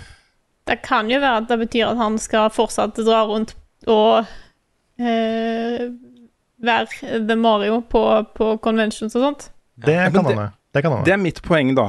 Fordi det gjør meg ingenting at du finner en annen stemmeskuespiller til Mario. Jeg tror hvem, nesten hvem som helst, kanskje bortsett fra Clive, kunne, vært, kunne vært Mario. Også det er ikke så viktig hvem som har den stemmen, tenker jeg da. Eh, Men det som er viktig, er jo å ha et navn. Også en kjendis som kommer på disse messene, og han har faktisk vært stemmen til Mario i de spillene mange er glad i og sånne ting. Og han er på messe der og signerer puppene til folk og sånt. Jeg syns det det er øh, den viktigste funksjonen han har hatt, da. Eh, Ikke nødvendigvis det han har tilført Mario-rollefiguren. Min take da på det. Men Ja. Det, men det er så Det som er så spesielt med han, er at han er jo ikke bare Mario, han er alle. Han er Mario, Mm. Luigi og Mario og Luigi. ja. Så det å, det å miste alle fire på den måten, det tror jeg vi kommer til å merke. Det, ble, det blir litt annerledes. Mm. Så eh, jeg, jeg, ble, jeg, jeg ble litt bummed, selv om jeg liksom alt, alt tar slutt en dag. Ja, det er trist. Han var jo en constant, ikke sant? Mm. Ja. Litt sånn apropos, faktisk. Det er et rykte om at det kommer da en øh, altså det, det skal visstnok, da, det, jeg tror ikke det er et rykte, at det skal komme en Jack and Daxter-film. Men ryktet er da at, at øh, stemmene blir da Chris Pratt og Tom Holland. Ja, det fins andre skuespillere, altså. Ja. Nei, det tror jeg ikke. Jeg tror alle eh, har pensjonert seg. Det er oh, ja. bare de to igjen. Det er derfor, ja. Ja. Det, er bare de, det er bare de to som er, med, som er igjen. Ja. Men litt interessant, da. Det er, ryktet er jo at det er Chris Pratt som er Daxter, og Tom Holland som er Jack. Mm. Så ja. Ja. Jeg, jeg har lettere for å se for meg Tom Holland som Jack enn Chris Pratt som Daxter. eh, det tror jeg kanskje du har øh, et poeng i, ja. Men, eh, men ja. Mm. Og så siste nyhetssak. Jeg er litt spent på om du har fått med deg dette, her, Carl. For nå tror jeg du kan, det er potensial for at du kan bli litt happy. Ok. Sånn på ekte, liksom. På ordentlig, ok. Hvis du skulle gjette da hvilket spill som nå har fått New Game Plus og en ny baby mode Du skal la det få gjette en gang først. Okay, Baby mode. New Game Plus og Baby Mode. Er det en Det heter ikke Baby Mode? Det heter baby mode i, uh, i spillet. Det gjør det, ja. Ja, For da er det ikke Final Fantasy 16. Nei. Um, Det er spill du er veldig glad i. Oi, hva kan det være? som har kommet i år. Det kom vel i fjor. Ok. Nå står det stille. Mulig du hadde det på din topp 10-liste for i fjor ja, også. for nå driver jeg og tenker på liksom Lill Gator Game var der. Så Det er Lill Gator Game. Er det Carl. Lill Gator Game? Ha! Det har fått New Game Plus og baby mode. Ok, ok. Kult. Ja. Hva vil det si? Og er det at du Det er ikke det at det er lettere, det er det at du alltid er den babyen? ja. Ja, ok, ja, det er litt koselig, ja. det er very cute. Det spillet er så koselig. Det er, det er så bra, det. Ja, Det er en sånn liten sånn der, koseklump av et spill. so much fun. Mm. Så mange morsomme characters og herlig spill. Hva er hennes best, hvor var fredag sist, har Carl egentlig sopp? Ukens spørsmål. I dag starter vi med et eh, spørsmål som vi tar som en, et virkelig bra forslag her. Dette er fra Tom Erik Nessø, som skriver Hei sann, folkens! Kunne dere lagd ei T-skjorte slash genser til butikken deres med 'Snakker helst bare om gaming' på brystet, i en fancy font og litt glade farger? Sånn for oss som ikke er så glad i å snakke om politikk og boliglånsrenter og diverse i sosiale settings med andre voksne. Love you guys, og ha ei fin helg. Dette må vi jo bare gjøre. Dette her er en eh, utrolig god idé. Det er Det er en veldig- kjempebra T-skjorte. Veldig fin T-skjorte. Mm. Vi, kan, eh, vi kan lansere den sammen med Prump-T-skjorta. Prump? Hvor det, er, det er sånn pen sånn kursivskrift, sånn løkkeskrift, mm. og så står det Prump. Ja. Den har jeg veldig lyst til å lage. Jeg ser liksom for meg her, jeg snakker helt bare om gaming, liksom sånn, eh, sånn koselig, eller kanskje litt- forskjellige typer fonter som det ofte er på sånne T-skjorter? Og så sånn små gaming-ikon som er helt klart bare sånn generisk og ikke noe sånn copyright-greie. Litt sånn mm. innimellom. Ja. I litt sånn Mhm. gøye farger. Vi hadde jo den T-skjorta som, eh, som jeg bare fikk slengt ut eh, da Elden Ring sto på som verst. Den er Rather Be Playing Elden Ring. Det er litt samme, litt samme vibes over den her. Mm. At du er på en måte du er, Ja, du er litt sånn motvillig ute blant folk. Du Ja. skulle helst liksom ha gjort noe annet. Så men jeg liker, jeg, liker den, eh, jeg liker den ideen kjempegodt også. Det var en veldig god T-skjorte-idé. Det er på tide å lage noe Kommer noe nytt, litt nytt i, i eh, shoppen vår. Mm. Så vi får, eh, vi får sette oss eh, planlegge litt på bakrommet. Komme, Mm. Drodle litt. Det må vi gjøre. Oh yes. Nei, skal vi gå videre til, eh, til mer spørsmål her? Mm, Let's do do en- that. Jeg kan ta et her fra Ingar Takanobu Hauge, som spør på en skala fra 1 til Hans, hvor stor var nedbørsmengden fra Carls Auge under Melodies of Life fra Final Fantasy 9 på Uematsu-konserten? Åh, vet du hva? Det var faktisk, helt ærlig, jeg fikk den der ene single manly tear-greia. Wow. det, det, det gikk én tåre ned i kinnet mitt. Ja. Og det er, eh, det er noe med når den starter opp, den sangen. Helt siden første gang jeg hørte den, så er jeg veldig glad i starten på den sangen. Det er bare sånn her, Jeg bare slapper av i hele kroppen når den kommer på. Så jeg er eh, veldig glad for at de spilte den. Og det, jeg følte, følte tusen følelser da, de, da den kom. Ok, kan jeg forstå. Men jeg syns alle var fine, egentlig. De, de spilte jo De spilte fire, fire sanger, tror jeg. Eller Ja. fem. Det var Eyes On Me, det var Melodies of Life, Sutiki Dane, um, Kiss Me Goodbye og Dragon Song. Mm. Og alle de er fine. Du, du kan jo ikke You can't go wrong. Det er helt sant. Mm, Det var beautiful. det var det. Og hun som sang også, var utrolig flink. Hun var så flink. Jeg ble imponert over hvor mye hun klarte å høres ut som alle de andre vokalistene på en gang. For det er jo ikke hun som synger noen av de eh, originalt. Men hun hørtes ut som de sånn nesten 100 så det var, eh, det var imponerende. Da, eh, Rune, har du, et, eh, har du plukka ut et spørsmål? Jeg har egentlig plukka ut eh, flere. Jeg um, lurer på om jeg tar det fra Tommy Isaksen, Ja. som uh, spør, da. Nå som Death Stranding 2 har blitt annonsert, lurer jeg på hvilken formening dere til slutt satt igjen uh, med etter det første spillet, om dere ser fram til oppfølgeren. Og så skriver da Tommy videre. For meg personlig står det igjen som et av de beste spillene dette tiåret, og jeg holder på å spille gjennom det for andre gang nå, Directors Cut denne gangen. Utrolig sterk spilleopplevelse, men det er vel et slikt spill som man enten elsker eller avskyr. Det er jo det mest kontroversielle anmeldelsen jeg har lagd Den nest mest kontroversielle anmeldelsen jeg har lagd noen gang. Eh, Hvor, eh, hvor eh, Det er sikkert mange som har fått med seg det, men første gang jeg spilte gjennom det spillet, så, så fikk jeg en helt annen opplevelse enn andre gang. Og det er ikke første gangen det har skjedd. Det har skjedd mange ganger før, eller i hvert fall noen ganger før. Med Dishonored f.eks. Som første gang jeg spilte Dishonored, så følte jeg meg så klønete. Og det var ikke så kult. Eh, og så satt satte jeg meg ned for å skrive en anmeldelse, og så tenkte jeg vet du, jeg spiller det en gang til. Så gjorde jeg det, og så var det dritbra. Helt amazing. Alt jeg hadde lært, ikke sant, gjorde at det spilleopplevelsen var noe helt annet uh, andre gang. Og det var det samme med Death Stranding. Så jeg likte det ikke så godt første gangen. Uh, men så satte jeg meg ned og så spilte det helt på nytt, uh, i ro og mak, eh, en stund etterpå. Og hadde en helt annen og mye bedre opplevelse. Så, men jeg vil få si at jeg fortsatt Det her er litt slemt å si, altså, og jeg vet ikke helt om jeg mener det. Men okay.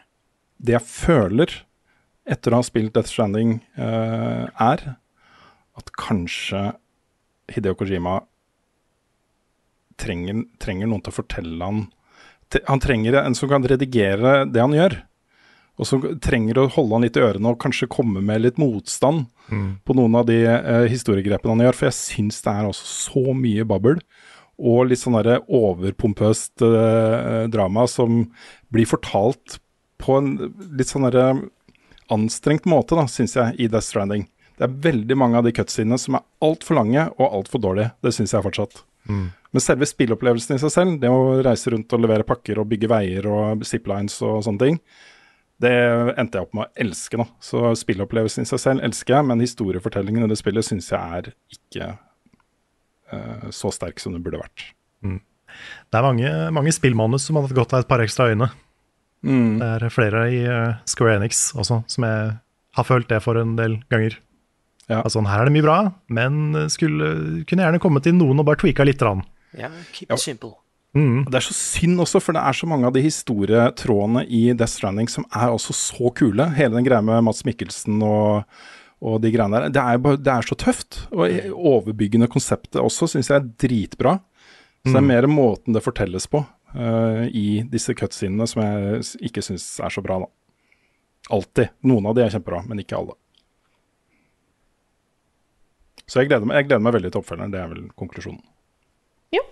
Mm. Har du et, eh, Carl? Det har jeg. Jeg har også en nys på vei, så jeg skal prøve å ikke nyse mens jeg stiller spørsmålet. Oi, oi, oi. Skal vi se Det var fra Jon Magnus Restad. Hva slags forventninger har dere til Nintendo sin neste konsoll? Tror dere som ryktene sier at den kommer neste år? Og hva slags banebrytende veivalg tror dere Nintendo vil ta, om noen? Jeg Jeg tror de kommer med banebrytende veivalg. Ja, Og da kan være hva som Jeg har ingen anelse. Det er litt sånn da å prøve å- spå hva Nintendo gjør, er bare eh, eh, Nei, jeg har ingen anelse. nei. Jeg har lyst til å prøve, da. Ja, okay. kjør. Fordi um, jeg har tenkt litt på det. Jeg, sa, jeg så spørsmålet for noen dager siden. Og Nintendo har på en måte ofte lansert ting i par, på en måte. At du har først liksom NES og Super Nintendo, som er ganske like. 64 og GameCube er ganske like. Wii og Wii U er ganske like. Nå er det Switch, så det kommer en ny Switch. Tipper jeg, da. At dette er veldig, det kommer til å være veldig likt Switchen. Samme med liksom Gameboy, Gameboy Advance, og så var det DS og 3DS. At det liksom, De prøver ofte ting to, to ganger. Så jeg tror de kommer til å prøve Switch to ganger. Men hva tror du de kommer til å ta videre? For én ting er jo sånn som eh, Altså, jeg syns jo egentlig Wii U og så Into Switch er en veldig naturlig oppfølger òg. Mm, det er det. Så eh, hva tror du de vil beholde? Hva tror du de går videre med? Tror du de vil beholde eh, at det er en håndholdt konsoll? Ja. Jeg tror nok det. Jeg tror, jeg tror det kommer til å være en omtrent nøyaktig det samme som Switch, bare i f kanskje 4K og bedre hardware. Mm. Så har de sikkert én ny gimmick, Yes. som kan være hva som helst. Sånn, uh, om det er voice controls eller et eller annet, liksom. Bare noe de ikke har gjort før. Og ellers så tror jeg det blir en Switch. Oh, Jeg tror nok at de kommer til å gå for en sterkere Switch. Mm. Eh, og så går de for Q. Eh, hva skal jeg Jeg har ikke peiling. Det kan Nei. Eh, Puls for ofte så tar de ting som er på en måte Det, begynner, det er ting som begynner å bli litt stilig, sant? For de har jo egentlig vært veldig gode på den her de er kule ting og får det til å funke. Mm. Typ sånn WeMoten er knallbra. Kinect er jo litt sånn Oi. Eh, sant? Så det, er- jeg føler Men jeg tror ikke de kommer til å ta VR-steget. Det tror jeg ikke. Nei, ikke jeg heller. Smellovision. Ja. Ja, for det var det jeg tenkte. Da sier jeg lukt. Det er Ja. bare. Det, Mm. Ja, da tenker jeg eh, at eh, siden Switch-spillene smaker bittert, eh, så lukter nye Switchen bittert. Ja. eller at Det man sånn- føler temperaturen i Mm. kontrollen og sånn. Du, du kjenner hvor sterk den er ut ifra hvor vondt den lukter. Mm. Ja. Jeg eh, har begynt også å kikke litt på disse her eh, sånne bøybare skjermer. Jeg så noen med sånne Motorola eh, foldable-telefonen her om dagen. Hvem var det Mm. igjen? Var dere med meg da, eller var det noe Jeg husker ikke hvilken sammenheng det var. Nei, det husker jeg ikke. Ja, uansett. Eh, det er altså nest, Det ser nesten magisk ut, for du ser ikke den folden. Du ser ikke den bretten. Men den er bretta fullstendig, liksom. Så kan det være en liten telefon eller en stor skjerm. da, ikke sant? En, nesten sånn eh, både en tablet og en telefon. Mm. Um, hvis noen skal gjøre det med en håndholdt spillkonsoll, så tenker jeg det måtte jo vært Nintendo som, um, som gjør det. Mm. Men jeg lurer på åssen de er vira, de, de telefonene. Hvordan? Det, jeg, jeg, jeg aner ikke. Jeg tror det er magisk. Ja, for jeg, altså, det, det føles som det er en magisk ting. Men fleksibel elektronikk er en ganske big deal. Eh, og du trenger ganske mye funky greier for at det skal funke. Uh, så uh, jeg vet at liksom fleksibel elektronikk er et stort forskningsfelt òg. Mm. Jeg så en sånn PC, sånn spillmonitor. Den var kjempesvær og sånn, sånn håndtak på siden.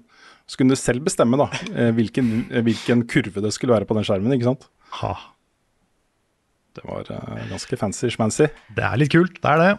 Jeg syns det, altså. Men t- eh, ikke sant, tenk, det som hadde vært applikasjonen her, er jo at du kunne ha brukt det kanskje som en telefon, eller som en eh, liten sånn håndholdt, enda mindre håndholdt spillmaskin. Kanskje et Metroid-spill kunne hatt eh, liksom en egen funksjon hvis den er bretta minst mulig. ikke sant? At er da kan du gjøre én ting, men bare den tingen, og så kan du ta med den tingen inn i hele spillet når du bretter den ut og spiller den på større skjerm. Det er en del sånne gameplay-greier man kunne gjort. Eller så kan det være Metal Gear, hvor du liksom Jo mer bretta du har den, jo mer stealth er du. Ja. Så hvis du har den helt ut, så er du helt åpen. Ja, ja, ja. Ja. det er et eh, godt poeng.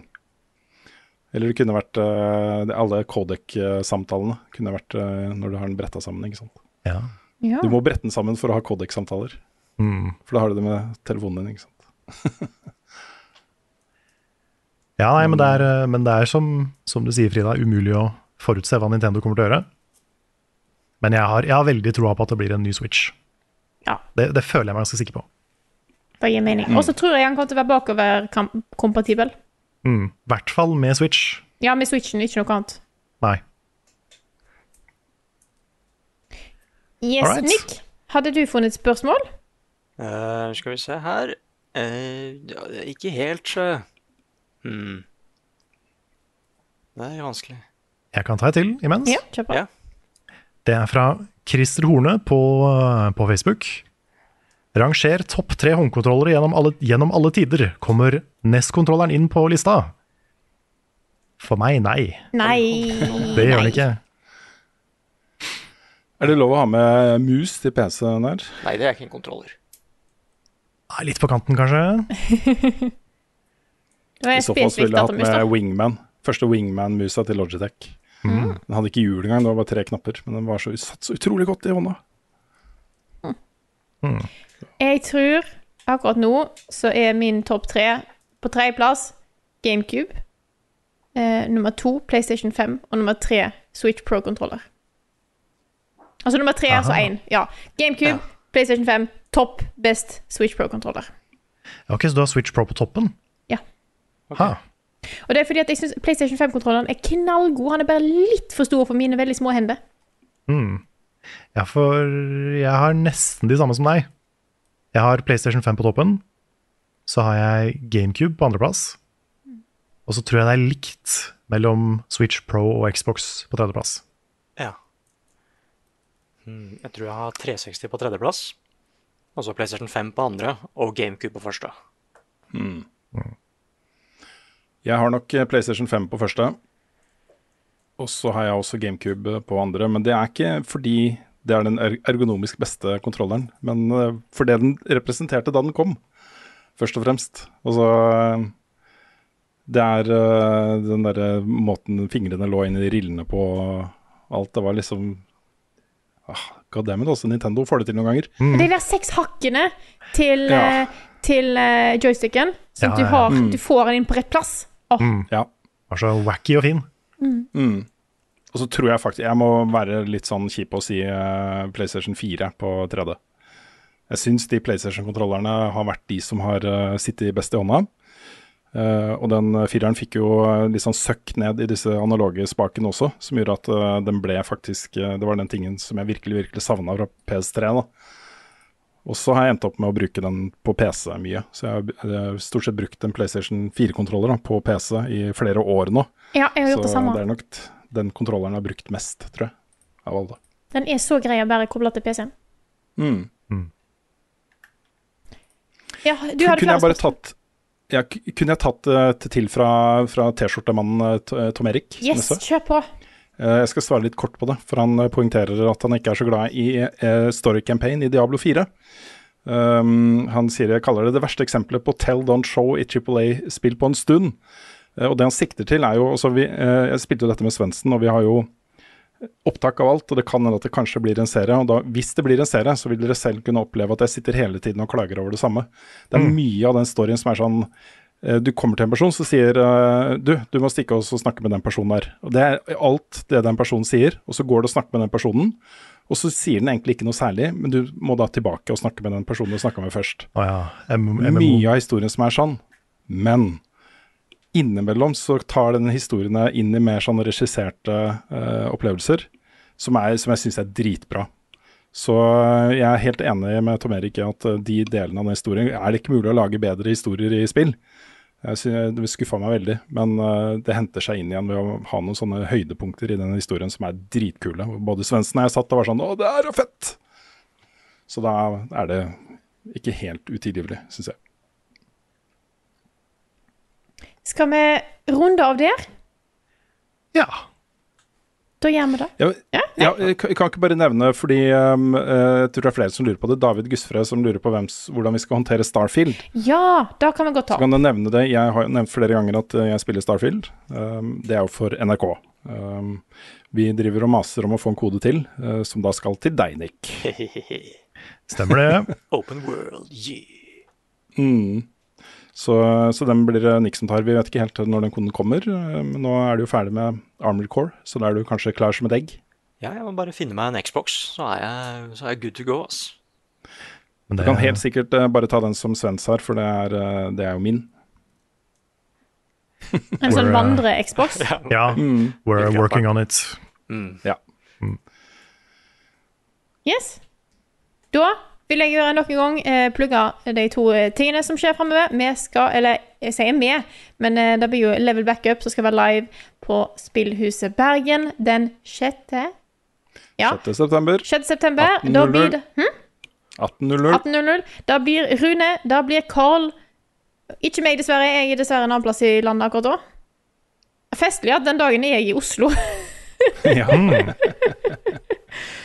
ja. Nei, vi driver, vi driver og leker med tanken om å Det, det kunne vi spurt om, da, fordi eh, det er jo samme dag som Starfield lanseres. ja. Um, er det noen som vet, fins det, og da gjerne sånn, sånn at vi får litt sånn grei kjønnsbalanse i podkasten, fins det en kvinnelig astrofysiker eller noe sånt i Bergen som er glad i dataspill, og som gleder seg til Starfield? Så hadde det vært kult å ha med noen sånne personer i podkasten. Må ikke være kvinnelig, da, altså, men OK. Astrofysiker som også er glad i dataspill, i Bergen. i Bergen. Reach out. Reach out, så kan det hende at vi har en plass til deg i podkasten vår eh, på scenen. Og så er det selvfølgelig vår store livestream den 13. oktober. Fredag 13. oktober så blir det da veldedighetsstream eh, i sammenheng med TV-aksjonen og Redd Barna. Så eh, sjekk oss ut på twitch.tv slash. Eh, det, blir, eh, det blir en bra stream. Det kan jeg love. Folk skulle bare visst hva vi har lyst til å få til der. Så jeg har ikke lyst til å si hva det er, fordi da eh, blir fallhøyden litt for stor. Det blir noe kos uansett. Med med da så runder jeg av podkasten for denne uka her. Dette her er Level Backup utgitt av moderne media. Låten i introen og outroen er skrevet av Ole Sønnik Larsen og arrangert og framført av Kyoshu Orkestra. Og vignettene er lagd av fantastiske Martin Herfjord. Innholdet vårt og de nye videoene, inkludert anmeldelse av Armored Core og Nick sin guide til spelhøsten, som var knallbra, Nick. Det glemte jeg å nevne før i dag. Ja, det er var to Du har vært- videoer på én dag, nesten. Ja, gud, du har Har vært ja. aktiv, altså. Mm. Bra, bra jobba. Eh, og mer til det ligger på youtube.com slash levelupnord. Og stikk gjerne innom twitch.tv slash levelupnord. Det finnes også opptak fra da vi streama Gamescom Opening Night Live eh, tidligere i uka. Hvis dere har lyst til å se reaksjonene til redaksjonen når ting ble vist. Det tok av, altså. Det tok Ja. skikkelig av. Det var ordentlig sånn derre Ja. Da de viste The Last of Us Part 4, så datt jeg bak i stolen. Altså. Og bli gjerne med i communityen communityet vårt på discord.gg slash levelupnorge. Og eh, vi har en merch-shop. Den eh, kommer det kanskje snart nye T-skjorter i, inkludert eh, den vi har snakket om i dag. Den er på levelupnorge.myspreadshop.no. Og sett oss gjerne på patreon.com slash levelupnorge hvis du har lyst til å bidra til at vi kan fortsette å lage innhold sånn som den podkasten her. Så tusen takk til alle dere som støtter oss. Dere er bra folk, og we love you guys. Oh yes. Yeah. Yeah. Og med det så vil jeg si tusen takk for denne uka her, og så snakkes vi igjen neste uke.